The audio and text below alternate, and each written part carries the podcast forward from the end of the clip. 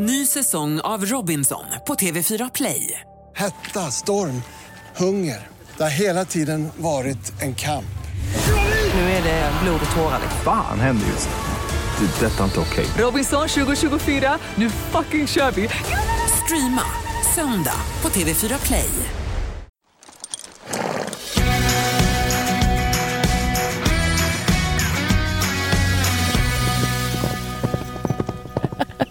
Nu är det lite av en premiär, för nu är det premiärpoddinspelning i hästbussen. Ja, eran nya så fina hästbuss. Det är första gången jag sitter i den. Är det sant? Ja, det är det. Det var inte bra. Det måste vi- Inte. Ni har inte haft den så länge. Nej, det är sant. Men det är härligt. Det som är kul med att ha... Alltså, som jag sagt förut, jag har ju aldrig haft ett eget släp överhuvudtaget. Aldrig haft liksom, den här möjligheten att åka omkring på det här viset. Nej. Men nu när vi har köpt en hästbuss, det är så kul. Förra söndagen så åkte vi. Nicke har en stallkompis som bor 45 minuter bort, har hon sin häst. Ja. Och då var det fint väder. Och så sa vi att men då sätter vi in ponnyn i bussen och så åker vi dit. Och så lastade vi ur och så red de ut tillsammans en och en halv timme ut och galopperade på hennes ängar och var ute Ja. på hennes skogar och red. Och jag satt och drack en kaffe med hennes mamma. Och sen så så- åkte vi hem igen. Men så härligt, och det är så enkelt när man har det. Tillgång till det hela tiden. Det blir så lätt att bara Ja. åka iväg en sväng. Mysigt. Men vad är det? Jo, förresten, innan vi pratar vidare. Det här avsnittet så ska vi prata om ryttarträning. Man pratar så mycket om att träna hästarna. Man lägger upp värsta träningsprogrammen för hästarna och man har mål och allting. Men säg själv då? Exakt. Så att vi pratar med Nina som är PT och Mm. också specialinriktad på ryttarträning. Exakt. Och faktiskt hästens kost. Ja, Kostrådgivare för häst. Men det pratar vi inte om det här avsnittet. Men hon är en otroligt bred kompetens och har ju tränat många världsryttare. och, och tävlar ju själv också. Ja, men exakt. Ja. Men det ska jag bara säga så att man vet när man slår på avsnittet. Precis. Snart får ni höra om det. Men det ska säga, man får det låta så enkelt att man bara hoppar in i bussen, åker dit, rider där och kommer tillbaka. Och det är så det känns. Men idag, nu, jag satt precis i, nu, vi har ju varit på utflykt hela dagen. Jag har Ja. precis kommit tillbaka till stallet. Efter det är en, söndag kväll, det är lite sent. ja, men jag sa precis det för Anneli som åkte med oss i bussen nu hem från vår utflykt idag. Så vilken sjuk hobby man har egentligen. Jag hade väckarklockan på 6.45 en söndag morgon. Ja. glatt, kliver upp, äter frukost, jag och Nicky käkar gröt, kommer hit, åker till stallet då, tar en Ja. halvtimme till stallet och sen så har vi tagit med fyra hästar idag. Du hade med två, Ja. Anneli hade en och så Ja. vi hade med Moni. Och sen åker till Eskilstuna som är en timme och 45 minuter bort till Mälsäters gård och tränar för Lotta Björe, vilket ju är fantastiskt. Ja. Men sen rider en timme Ja. och sen som allt runt om. Och du red ju Ja. två hästar Ja. och vi fick, vi var- fick följa med till hönsgården och få lite ägg. Och, alltså, skitmysigt. Och så hem. Och vad är klockan nu? Kvart över fem. Ja, men typ. Ish. Och man tycker det är kul. Toppen. Vilken bra dag. Vilken bra dag. Ja, nej, men alltså det var drömmen. Nicolina åkte med mig i min buss, vi åkte i varsin. Så kommer vi här ut till Eskilstuna, det är första advent idag. Mm. Det är snö, det är så här krispigt, några minus. Ja, det Det är julmusik på radion. Jag bara, alltså Nico, här sitter vi i bussen och det är så här juligt och fint och vi har kaffe med oss. Och jag bara, det här är en ryttares dröm, advent. Verkligen. Det är också sjukt. Det är bara en ryttare som förstår glädjen i det där. Ja. Men nej, men det var så himla mysigt. Just, vi åkte karavan, du hade buss med släp på och sen så vi med buss. Och så bara som Ja. en, liten, en liten egen liten minikaravan. Ja, men så mysigt. Och så få åka och träna för henne och få se hennes andra elever som hon också tränade där som är fantastiskt duktiga. Ja. Nej, det var väldigt roligt och väldigt, en väldigt bra träningsdag måste jag säga. Jag har lärt mig mycket och har mycket att träna på nu inför vintervilan. Ja, men vad bra. Hur lägger du upp vintervilan? Eh, jag kommer nog, jag frågade Lotta lite här nu också och hon hade lite olika. Vissa, en häst håller de igång lite men får lite mer, eh, inte hård träning, men den hålls igång hela tiden för att den blir lite stel. Eh, och sen andra, en häst hade vilat sex veckor, en av hennes hästar. Och de flesta får vila tre hela veckor. Men vad menar du med vila? Ja, men hennes hästar vilar då helt tre veckor. Jaha, men då har de stora hagar också. Ja, jo, men det har de. Men eh, så jag tänker så här att det är lite mer, jag har tänkt två veckors vila. Och vad innebär då vila för dig? Helt vila. Jaha. Att de vilar. Men man kanske, det beror ju på om de har tillgång till hagvistelse. Det måste de ju ha, tycker jag.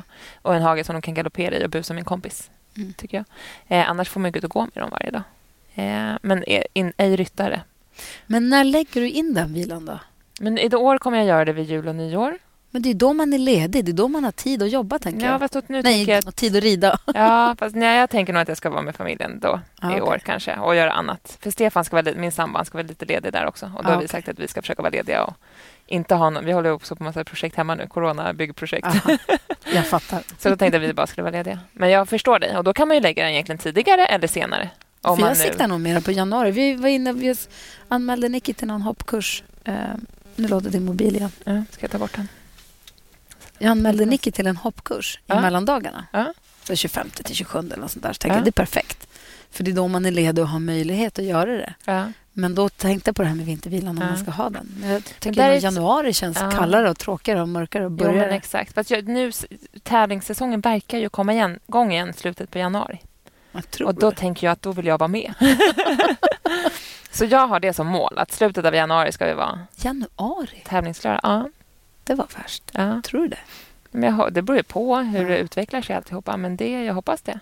Annars så kanske februari. Och Då tänker jag ändå...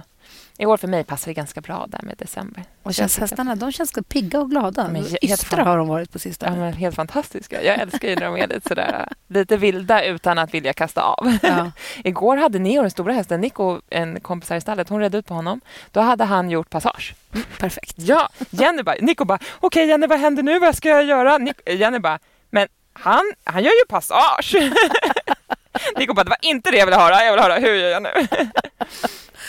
Så kul. de, De- känns ju jättefina. Och det de- känns kul. De känner livet i sig. Ja men verkligen, men jag trodde också nu börjar det bli kallt och krispigt och de Ja. känner det är busigt och kul. Liksom. Ja. Och vad, apropå kul, vi, i- för några avsnitt sen, om du lyssnar på de gamla avsnitten på podden, så hade vi ju eh, Air Saddlery som gäster och så provade vi ut sadlar. Apropå att köpa något nytt för första gången så har du köpt Ja. din första sadel. Jag vet att den ska komma den här veckan. Den kommer på onsdag. Jag räknar ner. Här, nu är det bara tre dagar kvar. Nu är det bara två dagar kvar. Så nu måste vi också införskaffa sadeljordar till dem. Jag vet. Och vi, vill ju, vi har ju Högs som sponsorer till den här till ridklubben och det är vi jätteglada för. Det Mm. säger vi varje gång, men det är sant. Det är faktiskt på riktigt. Ja. Jag är så glad. Eh, och då gäller för det, de har ett jätteutbud när det gäller också sadeljordar och alla prylar som man kan tänka sig. Man Det kan kommer ju köpa till. stilbyglar. Behöver Ja. nya stilglädor och stilbyglar till den här sadeln. Och Mm. Det finns ju allt. Liksom. Vi var faktiskt också köpte på Högs för bara någon vecka sedan stallskor till Nicky. För hon har gått runt i gympaddojor och man, jag vet man ska inte ha gympaddojor i stallet. Mm. Jag har det, Nicky har det. Då gick vi och köpte ett par jodpushaktiga skor med, jag, du har stålhätta i dina skor va Nicky? Ja. Ehm, och det är så skönt att och de, känns, de ser bekväma ut att gå Ja. i. Och kunna, hon kan också rida i dem om det ska vara så. Men bara veta att hon har rejäla läderskor nu. Det är Ja. ganska geggigt här. Faktiskt. Ehm, och också kallt. Men också stålhättan för att skydda fötterna. Verkligen Ja. rekommenderar. De har massa olika typer av stallskor. Ja. Nej, det är jättebra. Det är, man ångrar sig den dagen man har blivit klivad på tårna och de sticker åt varsitt håll. Ja. De blir aldrig bra fötterna igen efter... Vet du vad jag också köpte? Nej, berätta. Såna här renhorn till hästarna. Nej, Du vet såna här tomteluva med Ja. renhorn på. det blir ju ingen Lucia-shower och sånt i år, men vi kanske kan ha en Jag, egen. kan ha det. jag tänkte jag skulle prova och se om de kunde ha Ja, dem vi på kan sig. filma och lägga ut på Instagram kanske. Kan ni, vi har en egen... Nicke, sjunger du? För det är inte jag. Det är Harmonia Neo Salsa in kör. Det blir bra. Det blir bra. Ja, men tack snälla Högs. Och vi kan tipsa dig som lyssnar att verkligen gå in på högs.se. Framförallt nu i juletider och gå in och kolla. Eh, som jag sagt tidigare, en massa fina käpphästgrejer och allt man kan tänka sig Mm. både till hästen och tryttaren. Så att det Det är bra julklappar till andra, men också man får inte glömma sig själv. absolut, absolut det är det viktigaste. Ja, Nina då, som vi ska, vi ska få höra hur det lät när vi pratade. Vad, ska vi säga något mer om henne innan? Ska vi bara köra loss? Men jag tycker vi kör loss. Hon har ju sitt företag Athlete EQ. Säger man så? Athlete, Athlete IQ. Ja, precis. Vi, vi hänvisar till hennes på Instagram, på vårt Instagram. Exakt. så där kan man gå in och läsa mer om henne. Ja. Men jag var ju otroligt inspirerad när jag hörde om henne och läste om hennes kunskaper och vilka ryttare hon har tränat. Men också som vi pratade om när man ser hennes överarmar. Då tänker man att så där vill jag också se ut. Alltså, hon är så vältränad. Ja. Otroligt. Ja. Så jag hoppas att du som lyssnar nu kan få lite tips och lite inspiration och inte glömma heller sin egen träning. Perfekt nu när hästarna ska rida vintervila kan man ju träna på sig själv lite mer. Verkligen.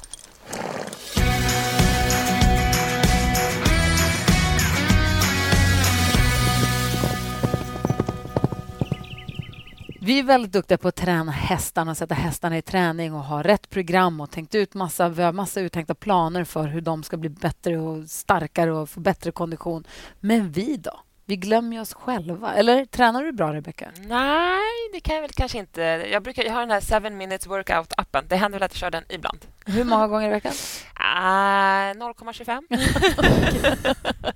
och därför ska vi nu prata om träning för ryttarna, framför allt med Nina. Hej, välkommen. Hej, tack så jättemycket. Hur är läget? Det är jättebra med mig. Känns bra. Jag kommer precis, jag känner, jag var precis inne i badrummet och kollade i spegeln. Jag har, mina ögonfransar är ihopklumpade fortfarande efter att ha fått mitt livs första Elchock. Eh, elchock.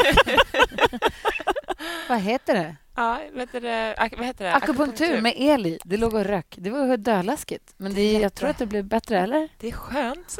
jag vet inte, vad säger du om det? Ja, jag vet inte, men eh, det känns väl som att du har blivit lite mindre stel. Ja, jag tror det. Jag hoppas det. Um, och Det där är sånt som du jobbar med hela tiden. Ryttare som bryter sig, skadar sig eller som bara måste träna upp sig eller hålla formen. Mm. Hur kom det sig att du halkade in på det här? Hur mycket har du ridit sen innan? Hur halkade du in på det här spåret? Jag har ridit sen jag var fem år kanske. Jag började faktiskt i Enskede här i Stockholm och eh, växte upp där och började på ridskola och sen så fick jag egen häst när jag var 15 år och sen så har jag tävlat och ridit eh, jättemycket i hela... Ja, jag har tävlat internationellt och Eh, när jag pluggade i Lund så hade jag även hästar och tävlade mycket nere hos Rolf-Göran och Bo. Eh, och sen så har jag... Eh, när jag flyttade till Australien eh, och gjorde min master i internationell ekonomi, då började jag med personlig träning och jag blev intresserad av att gymma. Jag började göra andra sporter. Jag hade gjort ridsport hela mitt liv men aldrig hållit på med någon annan sport på någon bra nivå. Så då började jag med triathlon och jag började spela tennis och jag började surfa och jag började boxas. Och jag... Hur många dagar har året för dig? och Eh, sen ja, jag jag- åkte till månen. sen jag... Ganska många. Nej, men jag, eh, jag blev väldigt... Liksom, jag blev väldigt...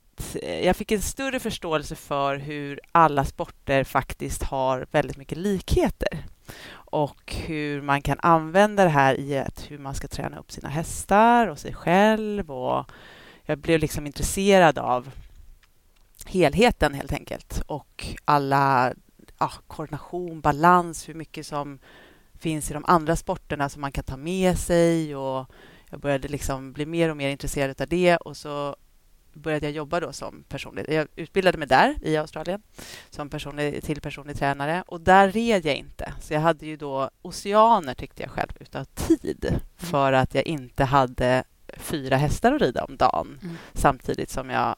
För det hade jag gjort i Lund, pluggat och ridit hela tiden och tävlat. Så jag tyckte att jag badade i tid. Liksom. Så jag började då med alla de här andra sporterna och fördjupa mig i ja, fysik helt enkelt. Eh, och vad kan man ta med sig? Och så började jag tänka i de banorna och så blev jag intresserad av kost eh, och började jobba med det. Och så tänkte jag ja men det här är jättebra för häst också. Och så blev jag instöd på den banan. Så jag har liksom... Jag är hästdietist. Jag är också, eh, också personlig tränare och jobbar med, eh, med träning på häst. Så, så efterhand då så, så tyckte jag att äh, men det här måste jag liksom integrera. Nu måste jag börja plocka ihop de här delarna som jag eh, kan. Och då började jag göra det och så började jag träna ryttare framför allt. För att jag vet vad vi behöver. Hästdietist, jag. visste inte ens att det fanns. det är inte alla som vet. Jag tänker, vad Ehm, kan man göra så hästarna? De ska äta gräs eller hö eller... Ja, det hade ju varit kanon om vi hade gräs och hö som räckte till alltid för eh, hästarna. Och det har vi till viss del. I Sverige så har vi väldigt bra stråfoder. Och, men vi har inte så bra gräs året runt, kan man inte säga. Um, så att, Men här, här kan du verkligen hjälpa både mig, för både Rebecka och jag, vi är lite li, lika där. Att man vill hålla det så enkelt som möjligt. För trasslar man till det och krånglar till det, då är det så mycket mer som kan paja och gå sönder och som man kan sakna. Så vi försöker ju med liksom, eh, grovfoder och kraftfoder. Ja, men precis. Håller det plats i Mm. liksom, ja, håller. Vi har precis börjat med lite mineraler och lite tillskott och lite någon müsli och lite så. Ja. Men det är precis nytt. Ja. och peppa peppa verkar funka bra. Ja. Men vad är det, tror du, som... Vad, vad tror du att de flesta hästarna saknar?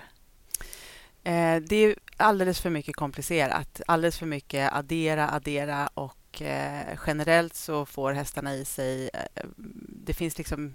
Jag brukar ställa två grundstä- grundfrågor till dem jag jobbar med och det är alltid vad behöver din häst varje dag? Och då är svaret jag vet inte. Och vad äter din häst nu varje dag? Och då är svaret oftast jag vet inte. Mm. Eh, så att man ska inte... Man, jag tycker ni tänker helt rätt. Gör det så okomplicerat som möjligt. Eh, och eh, less is more oftast.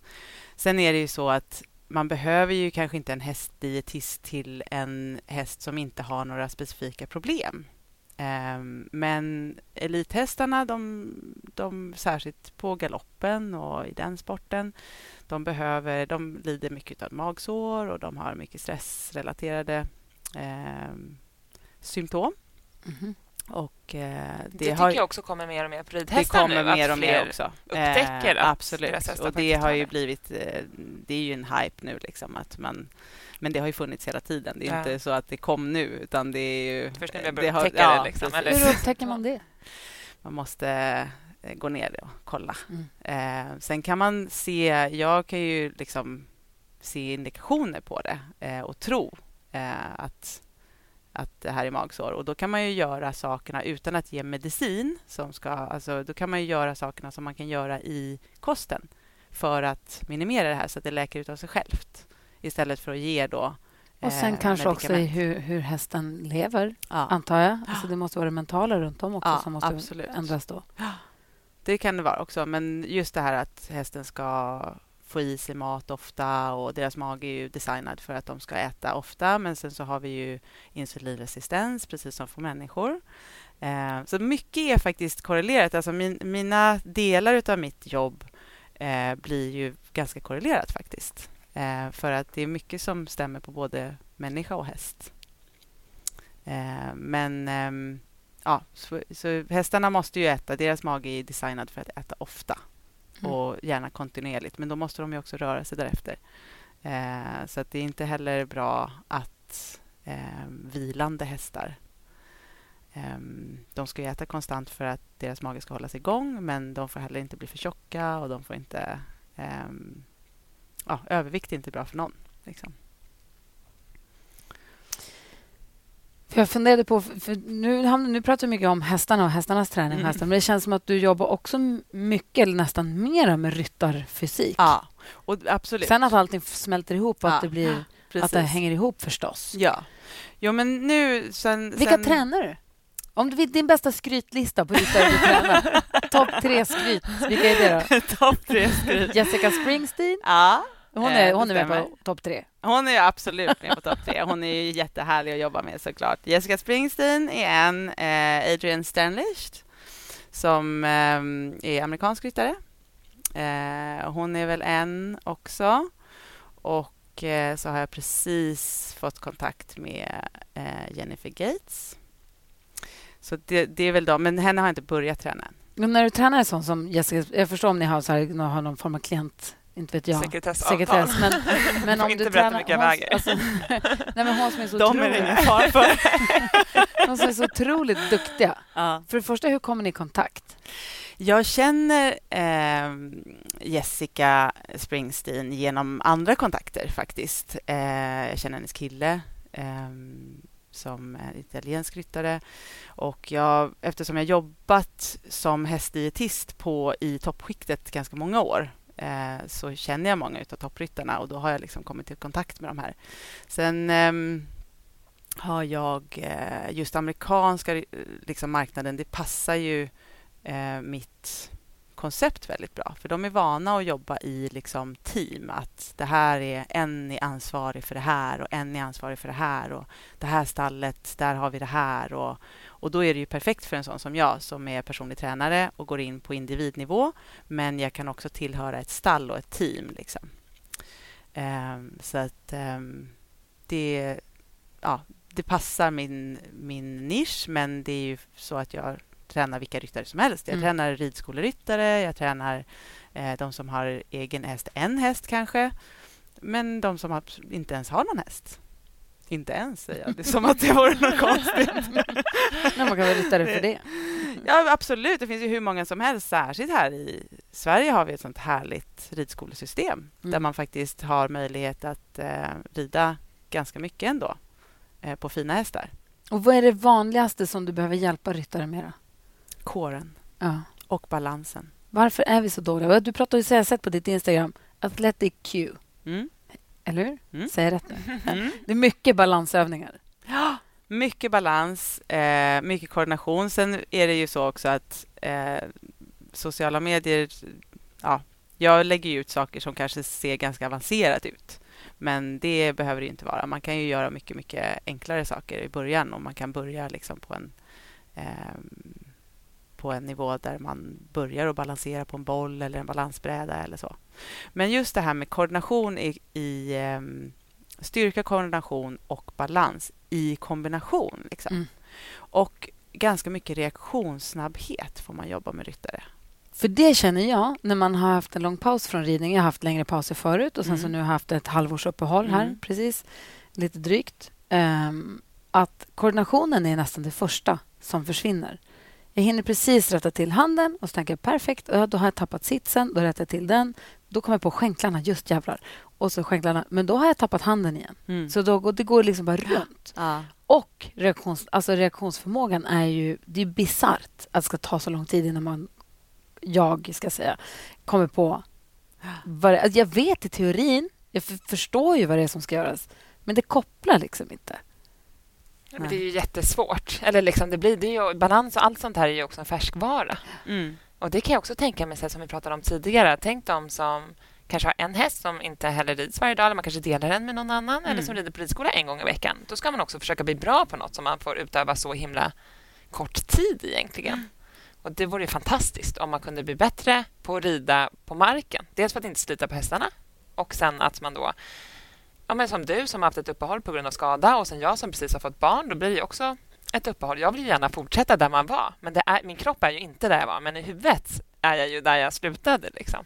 Och Det blir ju ganska frustrerande. Eh, nej, men det här är en eh, jätteviktig poäng som du tar upp här, Rebecka. Att, eh, att försöka optimera tiden man faktiskt sitter i sadeln och jobba på rätt grejer då. Så att man inte så att man kan öva upp alla de här andra sakerna som reaktionssnabbhet, eh, koordination och sånt där när man inte sitter på hästen. För det är liksom onödig tid som går åt till det egentligen, faktiskt. Alltså, det är bättre att försöka optimera tiden som man har i sadeln. Och Det är liksom hela mitt koncept, går ut på det. Jag har en, en eh, kund nu som är eh, gravid. Hon jobbar som beridare. Hon har ett eget liksom, försäljningsstall. Eh, men hon är gravid nu, hon har ramlat av. Och Hon säger precis samma sak som du säger, Gry.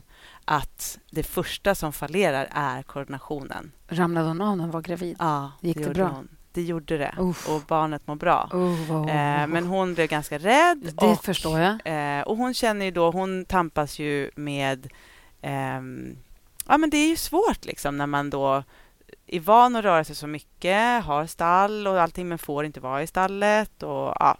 Mm. Så att, eh, det har ju varit en, en smäll för henne och hon har kunnat anpassa sig, men hon behöver träna. Hon vill liksom upp i sadeln igen så snabbt som möjligt efter.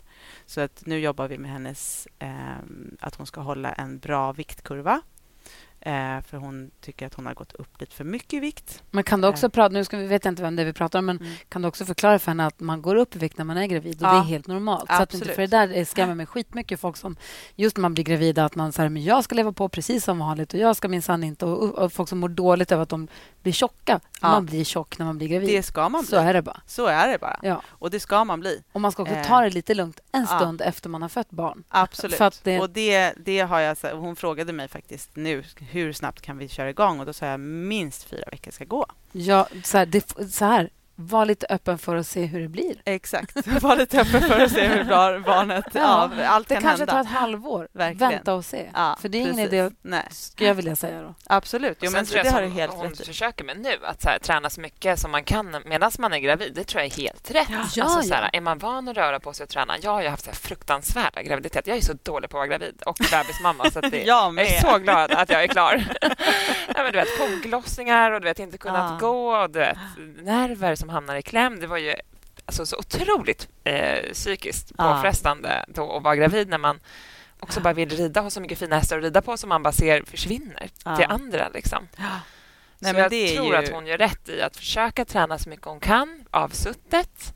Men sen så är man har ingen aning. Alltså förlossningarna Nej. kan gå jättebra men också skitdåligt. Precis, Liksom. och det sa jag till henne också att allting, det, det, är be, det är bebisen och din kropp som styr vad man kan göra här.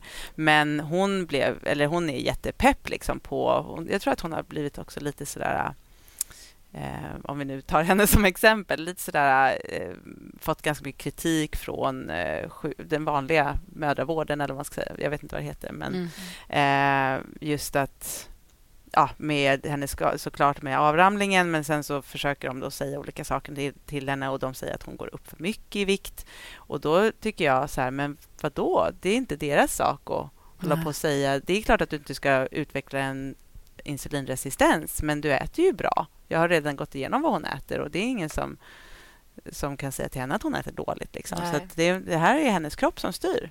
Det där Och hände man också måste mig lyssna. faktiskt. Och det känns också... Det var typ hemskt. Vadå? Mm. När jag, först var jag gravid med Oliver och då gick jag upp typ 18 kilo kanske. Men allt försvann ju efter jag hade fått honom. Och liksom, jag också så här, jag rör, då rörde jag mig mycket mer än med andra barnet. Och äter bra. Och, liksom så här. och sen nu när jag var gravid med andra barnet så var jag hos läkaren här som att jag hade då mycket mer problem med graviditeten. Och då träffade jag en kärring, får man säga så? Alltså, jag, det var verkligen inte, det var inte schysst av henne. För då mådde jag också dåligt psykiskt av att jag inte kunde liksom röra mig så mycket och sånt. Och hon bara, ja, alltså jag ser ju här att du gick upp väldigt mycket i vikt med ditt förra barn. Är det för att du gillar att äta kakor och bullar och sånt, eller?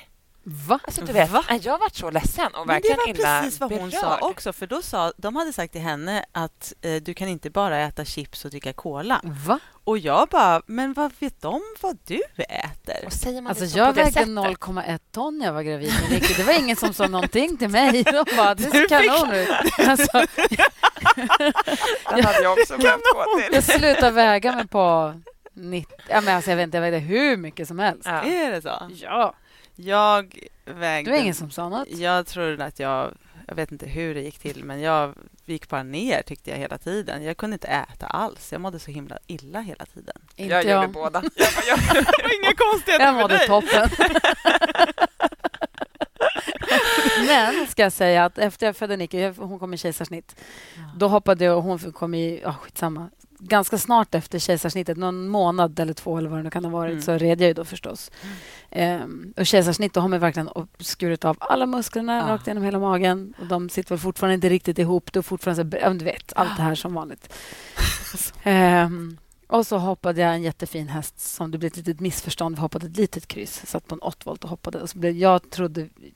Hästen fattade att vi skulle svänga tvärt till vänster. Jag var inte riktigt... ber- Igen, reaktionsförmågan. Jag visste också att vi skulle vänster. Mm. Men hästen svängde mycket snabbare än vad jag. Så jag boink, ramlade av. Inget dramatiskt. Nej. Men slog mig som in i helvete. Vet, höfterna och gjorde ont. Och det ena med det andra. Och huvudet gjorde ont. Och sen så på kvällen när jag kom hem så mådde jag fortfarande lite så här burrigt och mådde illa. Och så ringde vi in och de sa kom in på en gång. Och det var då vi röntgade och de trodde att jag hade en fraktur i, i nacken. Och så I två, tre timmar så var det min verklighet var att jag hade brutit nacken. nacken. Jag ligger med den stöd. Och så kan jag inte amma min bebis och jag kan inte Åh. och man bara så här, vad fan, ska, ska jag hamna i rullstol nu? Om jag nyser, kommer jag hamna i rullstol då? Hela den här, det som spelas upp för mig. Och man bara så här, vad fan håller jag på att rida för? Jag som inte ens, jag, jag jobbar inte med att rida. Jag Nej. tävlar inte. Det är bara min hobby. Så här, hur, hur prioriterade jag här nu då, idiot? Sen visade det sig att det var, det var någon skugga på den här röntgenplåten, så det var ingenting. Så jag bara, ta en Alvedon och åk hem. Så att, och jag ska göra tv, direkt sen tv dagen efter. Och jag bara, fan, finns det stödkragar i rosa? Hur gör man? Så kan vi, så vi måste Råfärg lösa här lite. men du vet, sen var det bara så att ta en Ipren och åk hem. Det var ingen fara. Men det var ju blåslagen och öm och sånt. Men då fick jag mig också en sån tankeställare apropå att prioritera, lyssna på kroppen lite. Och, man, och att just att man hänger inte med. I huvudet så var jag ju Mm. superduktig på att rida och hade värsta balansen. Mm. Men jag hade tydligen fortfarande 15 kilo kvar att gå ner vilket gör att man blir tyngre och klumpigare och inte hänger med och tappar hela Mm. ja, men koordinationen och allting. Och sen ingenting att ramla av på. Alltså man har inga muskler. Alltså, jag är så pass otränad så att om jag ramlar av så gör jag illa mig. Det märkte vi bara för ett år sedan. så att jag ska liksom inte ramla av. Nej, och det måste man ju någonstans räkna med att man gör den här sporten. Dig ser jag, dig kan man ju släppa från 10 meters höjd rakt ner i ett ridhusgolv. Det kommer gå galan. Jag kommer landa som en katt, Du tror kommer du? exakt Nej. som Spindelmannen. Så här bara redo, som Catwoman bara. Ja. Jag ligger Ja. där som en... Eh, vi får väl se. Vi får väl se hur det är med den saken. Jag vill inte ens prova. Jag tappar ju liksom kroppsdelar om jag ramlar av. Ja. Ja, nej, men jag tror att eh, jag tror inte att jag skulle landa som Catwoman från 10 meters höjd. Men jag tror att man underskattar vikten av bra fysik som ryttare. Det är Ja. klart att så här, Det gör man. Det- Eh, ja. Det är väldigt vanligt. Och det är faktiskt en... ehm, man kan preppa så mycket. Man ska inte behöva gå runt med ryggont, man ska inte ha ont i nacken, man ska inte... eh, Man kan träna bort så mycket smärta, även i andra kroppsdelar. Men just rygg och nacke är ju någonting som ehm, ryttarna klagar över jämt. är det ryggen? Ja, Mm. alltid. Min mamma hade diskbråck förut och hade ju jätteont. Jag kommer ihåg så här, när vi körde in henne till sin sjukgymnast gick i bilen. Hon låg i bakluckan. Det här var ju typ ja, men på 90-talet, när jag var jätteliten. Liksom. Jag bara kommer ihåg mamma hade så ont i ryggen. Liksom. Men hon, för då pratade de om att hon skulle steloperera. Hon gillar inte heller sjukhus och sånt. Men då var hon så här, kan jag göra det på något annat sätt? För att jag vill helst verkligen inte. Liksom. De bara, jo men alltså, du kan gå och träna, men det kräver ju mycket. Men då lyckades hon träna bort sitt diskbråck. Och Mm. idag mår hon jättebra och jobbar ju som så här barnchef på Sundbyholm och bär de här stora, otympliga eh, infångarna till hinder och sånt utan problem. Men, och nu har jag ju också fått diskbråck. Va? Ja. Va? Så Det jag, måste vi få bort. Omedelbart. Ja, men, och det blir inte bättre när man är gravid. Annars när jag inte har varit gravid så, och så har man ju ramlat av några gånger så jag tror inte att jag kanske har gjort det bättre av att jag har ramlat av och haft mig. Men jag är också helt inne på det. Nu är jag klar med barn och så nu ska jag verkligen så här, jag vill träna bort det här i första hand och inte eh, behöva operera, steloperera ryggen för det känns ju inte man vill ju inte det i första hand. Eller det känns ju, man måste ju ändå träna i vilket fall som helst. Nej, du har ju också en axel som har gått i led två, tre gånger som jag inte vet. heller opererar. Nej, jag skulle också behöva sätta fast den. Och jag har Ja. inget korsband i mitt högra knä som jag också skulle behöva sätta fast. Så, här har du ett Ja, men det är kanon. Jag känner att det här är verkligen... Man ser Nina sakta så här, moonwalkar ut ur rummet. Och bara, Passfall. så kan du laga Hur henne? gammal sa du att var? Absolut. Det är klart att jag kan. Jag har precis fyllt 30. Men hur ska man träna, om man har diskbråck, hur ska man träna då? Man måste faktiskt eh, ta hänsyn till var det här diskbråcket är. Ryggen? Hur, ja, vilken disk pratar vi om då? Är det högt eller lågt? Eh, man måste ta reda på, är det ett riktigt bråck eller är det en buktning? Eh, man kan behöva gå till eh, ja, men den här killen som du var hos idag eller om man går till en osteopat eller något Jag i den till honom. stilen. Han säger att jag är ett hopplöst fall. Nej, Nej, inte riktigt så. Men... Eh, nej, men jag tänker att man ska såklart ha hjälp av det som finns runt omkring. Men jag tycker som ryttare så är det ofta att sjukgymnastiken eh, bör i så fall ha lite häst och ryttarkännedom. Eh, för att det är inte alltid som övningarna kanske går ut på att faktiskt stärka upp bålen och Och och ofta sådär. att man ljuger där. Alltså för att jag var som Mm. sjukgymnast förut. Och då sa hon så här, blir det bättre när du rider? Ja, men alltså rider jag en häst då blir det inte sämre i alla fall. Men Nej. rider jag fler så är det inte alltid härligt när man ska gå och Nej. sova på kvällen eller vakna på morgonen. Och då sa hon, okej, men då kan du inte rida. Och Ja. då slutade jag gå till henne direkt. Ja. För det är liksom inte ett alternativ i mitt. Nej, och liv. det kan du säga till vilken ryttare som helst och de kommer sluta gå dit. Ja. För att det är så att vi prioriterar att rida eh, framför allt, för det är vårt liv. Det är en livsstil. Även om man rider kanske som hobby och eh, har ja, på ridskola eller så. Det blir en livsstil.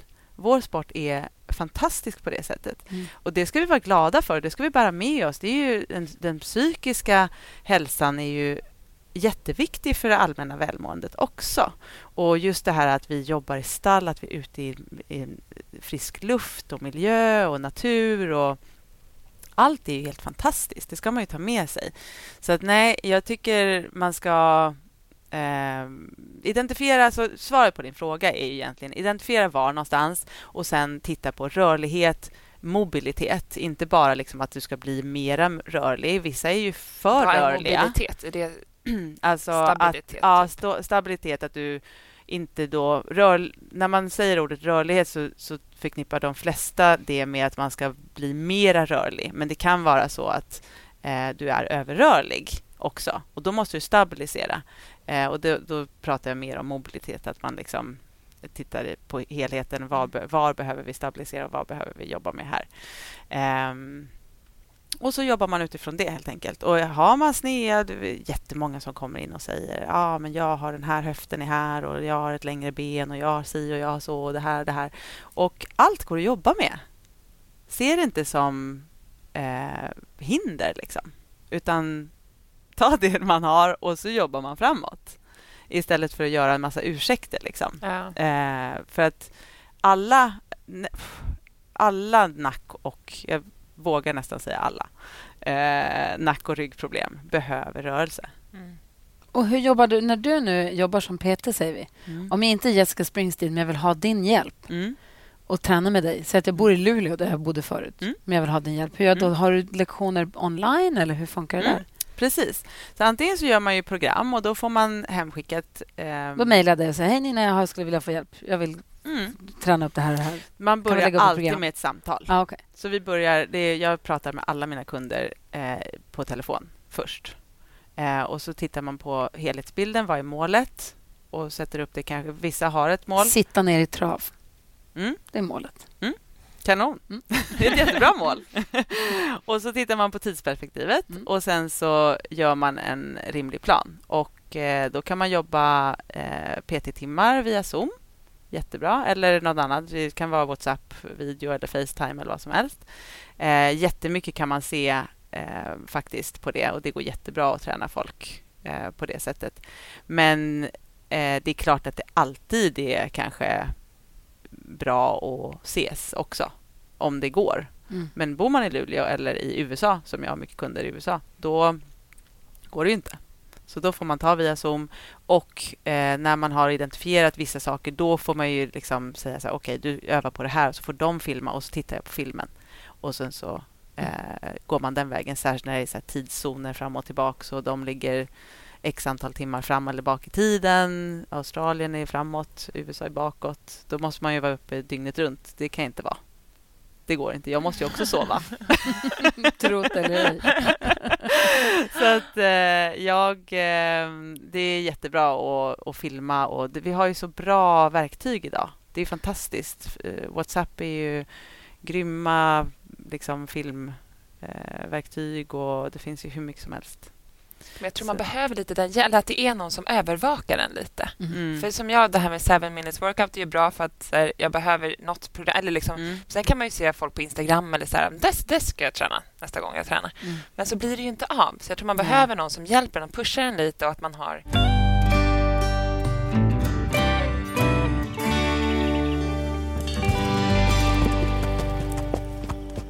Ja, så jag har ju en kund i Holland eh, som är, eh, jobbar som hästskötare, ganska ung tjej. Ehm, och hon har ju alla förutsättningar egentligen att träna och sådär. Men hon, precis det här att dels veta vad hon ska göra men också hållas ansvarig. Och hästskötare, då kan det också vara att man reser runt så mycket och lite Exakt. olika arbetstider. Det är svårt att ha en rutin. Annars kanske Jättesvårt. man som vi jobbar till klockan 10, Mm. ungefär 11-12.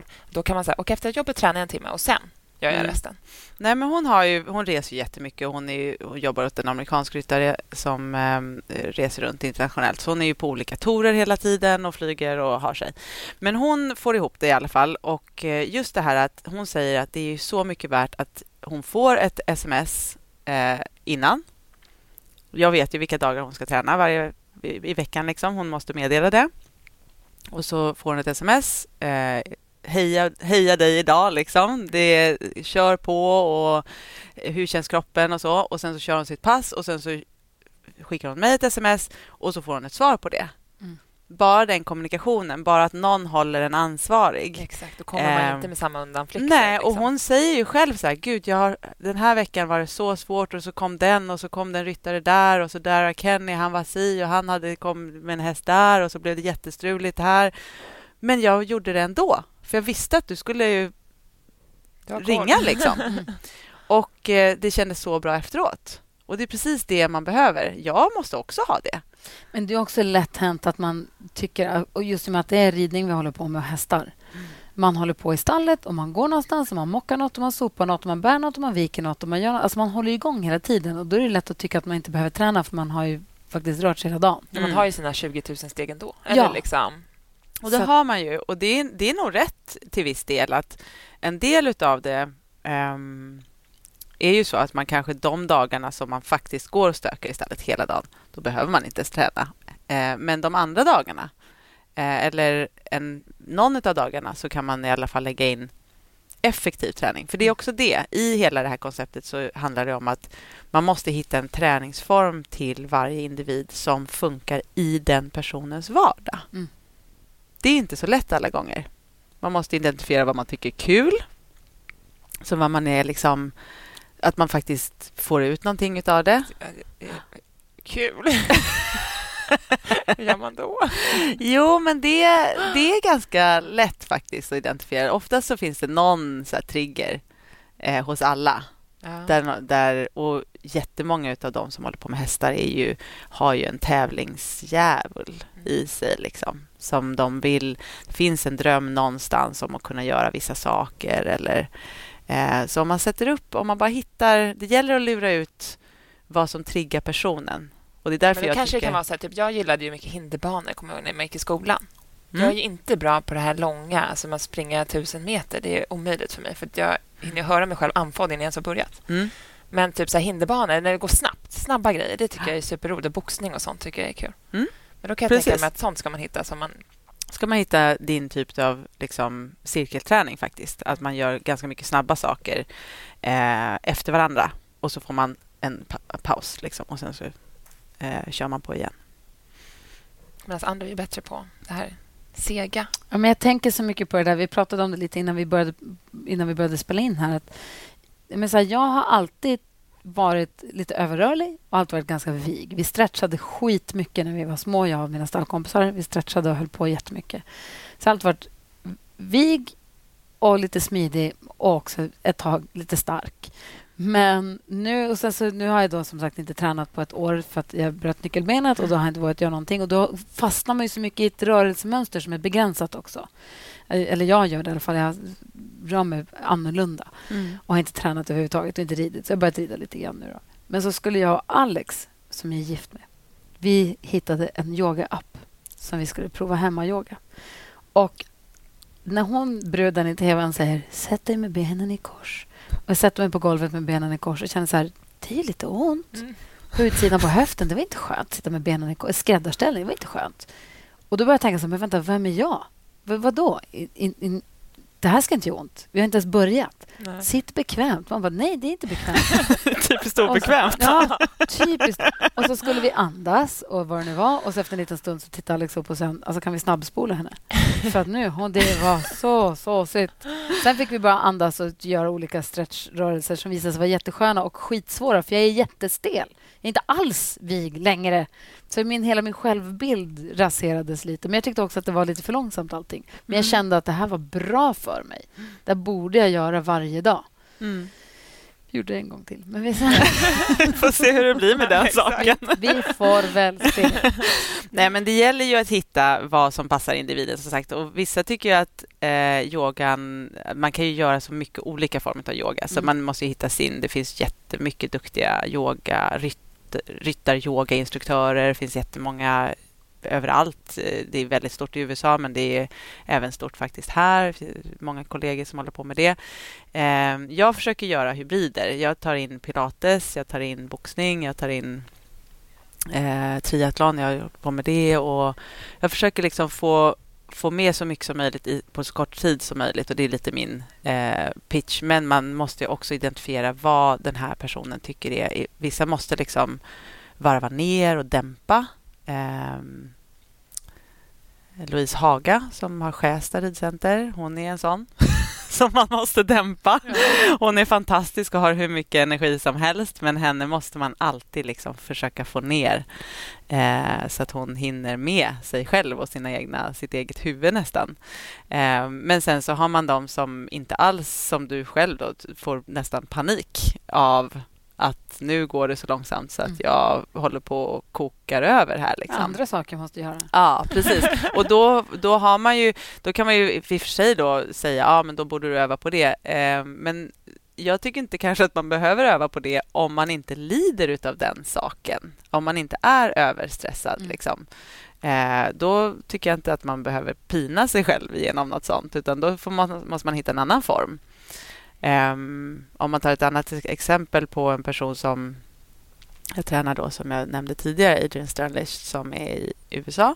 Hon, hon gillar, eller hon säger så här, ah, men jag tycker om att springa. Eh, liksom. Och då säger jag, ja ah, men okej. Och så tittar jag på tiden hon lägger på att träna och så tittar jag på, ah, okej, men måste du verkligen springa så här mycket? Ja, nej, det måste jag kanske inte, men det är det lättaste. Liksom. Det är det jag kommer på. Ja, okej. Okay. Eh, men det kommer inte att gynna de här delarna som vi har identifierat i, ryt- i sitsen till exempel. Så då bygger vi om. Däremot så, måste, så sa hon så här, jag måste alltid eh, få komma ut och springa innan eh, mästerskap eller stora liksom, tävlingar. Det är lite hennes sätt att kanske Ja, precis. också, och då liksom. det blev precis min fråga till henne. Hur mycket mentalt och hur mycket måste du liksom få ut? Och då sa hon, "Ah, men jag gillar verkligen att springa innan. Det, då måste jag ha musiken, jag måste ha peppen, jag måste ha liksom, hon går in i sin zon. Och då lägger vi upp såklart så att hon, för hon kan inte bara springa innan ett mästerskap. Vi måste ju lägga in det i hennes Ja, precis, så att hon inte träningsplan. Så att- beninflammation exakt. Exakt, så att då, då har vi lagt upp hennes träningsplan så att det finns löpning med. Men hon har faktiskt, och hon säger det, jag tränar mindre i tid nu än vad jag gjorde innan. Hon tränade mer i tid förut, men hon optimerar allting mycket Hon mer. får ut mer. Ja, mycket. Ja. Mycket mer. Mer bang for the buck. Ja, verkligen. Det är så man vill ha det. Har du en bra core-övning som du kan berätta om? då? Kan du ge oss den? Eh, Ja, Det känns ju som att core är det första. Ja. Man som ryttare alltid kan bli... jag älskar ju att jobba i plankan. Mhm. alltså utifrån plankan på många sätt. Jag tycker att den tar med jättemycket. Den tar liksom med arm, den tar med rörlighet i axeln, den tar med... Så du kan utifrån plankan göra... Så skulle jag liksom ställa dig i plankan och kör på åt alla håll. Lyft en arm, lyft ett ben, ta in ett ben under magen, eh, rör en, ben, ett, en arm uppåt, en arm bakåt. Alltså bara för att stå i plankan ner och eh, upp och ner på armbågarna. Flås, koordination... Hur länge ska man stå i plankan liksom per gång? Eh, Gemene man. Alltså om man bara... 30 sekunder, är det jättelite eller är det okej? det är okej, gärna en minut Ja. tycker jag. Och gör man rörelse så kan man ju liksom faktiskt gå ner, alltså gå ner på knä och så vila om man säger mellan. Men att man försöker utmana hela tiden hur länge man orkar stå. Jag tycker man kan stå... är också en sån där... Efter 30 sekunder är man ju jättetrött. Men man ska inte stå still, det är det som är Nej, grejen. okej, nej. Stå inte still, Nej. utan försök att röra dig i plankan så att det inte blir så jäkla tråkigt. För om du står och tittar på en eh, nedtickande sekundgrej, då håller du på att typ gå sönder utav jobbighet. Men om du har en uppgift och behöver röra dig, eller alltså du ska ju såklart ha stabil höft, men du kan röra fötterna utåt, uppåt, du kan gå ner och upp och ner på tårna. Ja, det finns massa grejer man kan göra. Liksom. Så att, skulle jag välja en grej, så ner i plankan och kötta på.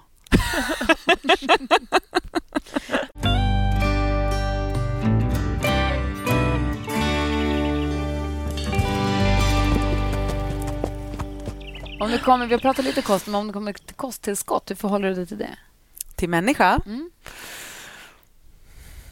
Ja, jag äter eh, kosttillskott själv för att jag äter väldigt mycket veganskt och vegetarianskt, så jag måste ha i mig järn och B12. Men nej, generellt så tycker jag... Jag tror att har man inte så här identifierade eh, underskott så tycker jag att äter man balanserat så verkar det väldigt onödigt att hålla på med extra grejer Och hästarna då?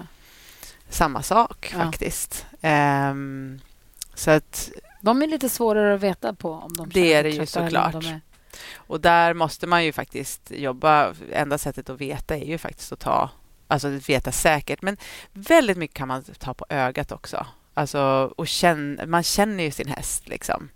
Men, eh, men visst, det är, det är mycket svårare än, än sig själv såklart. Att veta exakt vad hästen och sen så kanske man står inackorderad någonstans och vet man inte riktigt vad det är för hö och så ja.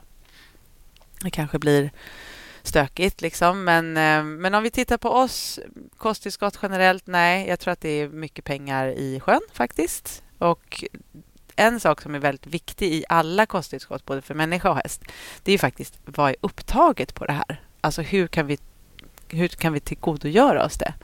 Och där är vi mycket enklare än hästarna för att vi tar upp väldigt mycket mer. Vi är liksom, vi designade för att äta väldigt mycket olika saker. Hästarna äter ju samma sak varje dag. Så har man liksom ett underskott på något, då kan ju det verkligen bli ett riktigt underskott. Mm. Vi äter ju så väldigt mycket mer varierat. Så det är Det svårare. ett Ja, ändå, precis. liksom. Det, vi behöver ju inte be... Vi behöver inte alla mineraler och vitaminer varje dag. Alltså, det, det gör det ju inte. Vi, vi är ju designade för att kunna stå ut med svältperioder och allting. Våra, vårt hormonsystem, våra kroppar är designade för att stå ut med eh, jättemycket, eh, faktiskt. Det är ju vårt samhälle idag som är så skevt från, från vad vår biolog, biol, vad heter det? biologiska, våra, våra biologiska förutsättningar, de- de är helt annorlunda. Liksom. Så att... Eh, nej, jag tror inte att man... Äter man hyfsat varierat så tror jag inte att man behöver så mycket Vi tillskott. får äta varierat och så får vi börja träna regelbundet. Vi får hålla kontakten med Nina. Får vi Ja, alltså, köra några onlinepass och se hur det funkar. Gud, ja. Jag ska börja träna plankan nu. Ner i flankan bara och kötta på. Jag tänker, där kan vi också gömma oss och göra sadelkammare. Ja. Ja, där är det ingen som behöver se oss. Nej, göm er inte. Visa er. Stå i ridhuset. Ja, eller Ja. Nej, men vi kör väl ett PT-pass? Ja, men det gör vi. Så får Ja. vi lägga upp vårt Instagram så får man se lite bra övningar där. Så kan man också följa dig på ditt Instagramkonto också. Mm. Athletic Ja, Athlete EQ. Man kan söka, söka på Nina Fitness. Hammarström också. Nutrition. Ja, Så precis. Nina hittar man hittar man också som namn ju. Och då är det privatkonto, men då kan man också hitta de andra. Ja, men Just det. precis. Kul att få träffa dig. Kul att få Otroligt träffa er. Otroligt avundsjuk på dina överarmar. Oj! Ja, Alltså. men de... Det övar vi upp. ja, så lång tid. Tack snälla för att du kom och hälsade på oss. Tack för att jag fick komma. Ny säsong av Robinson på TV4 Play. Hetta, storm, hunger. Det har hela tiden varit en kamp.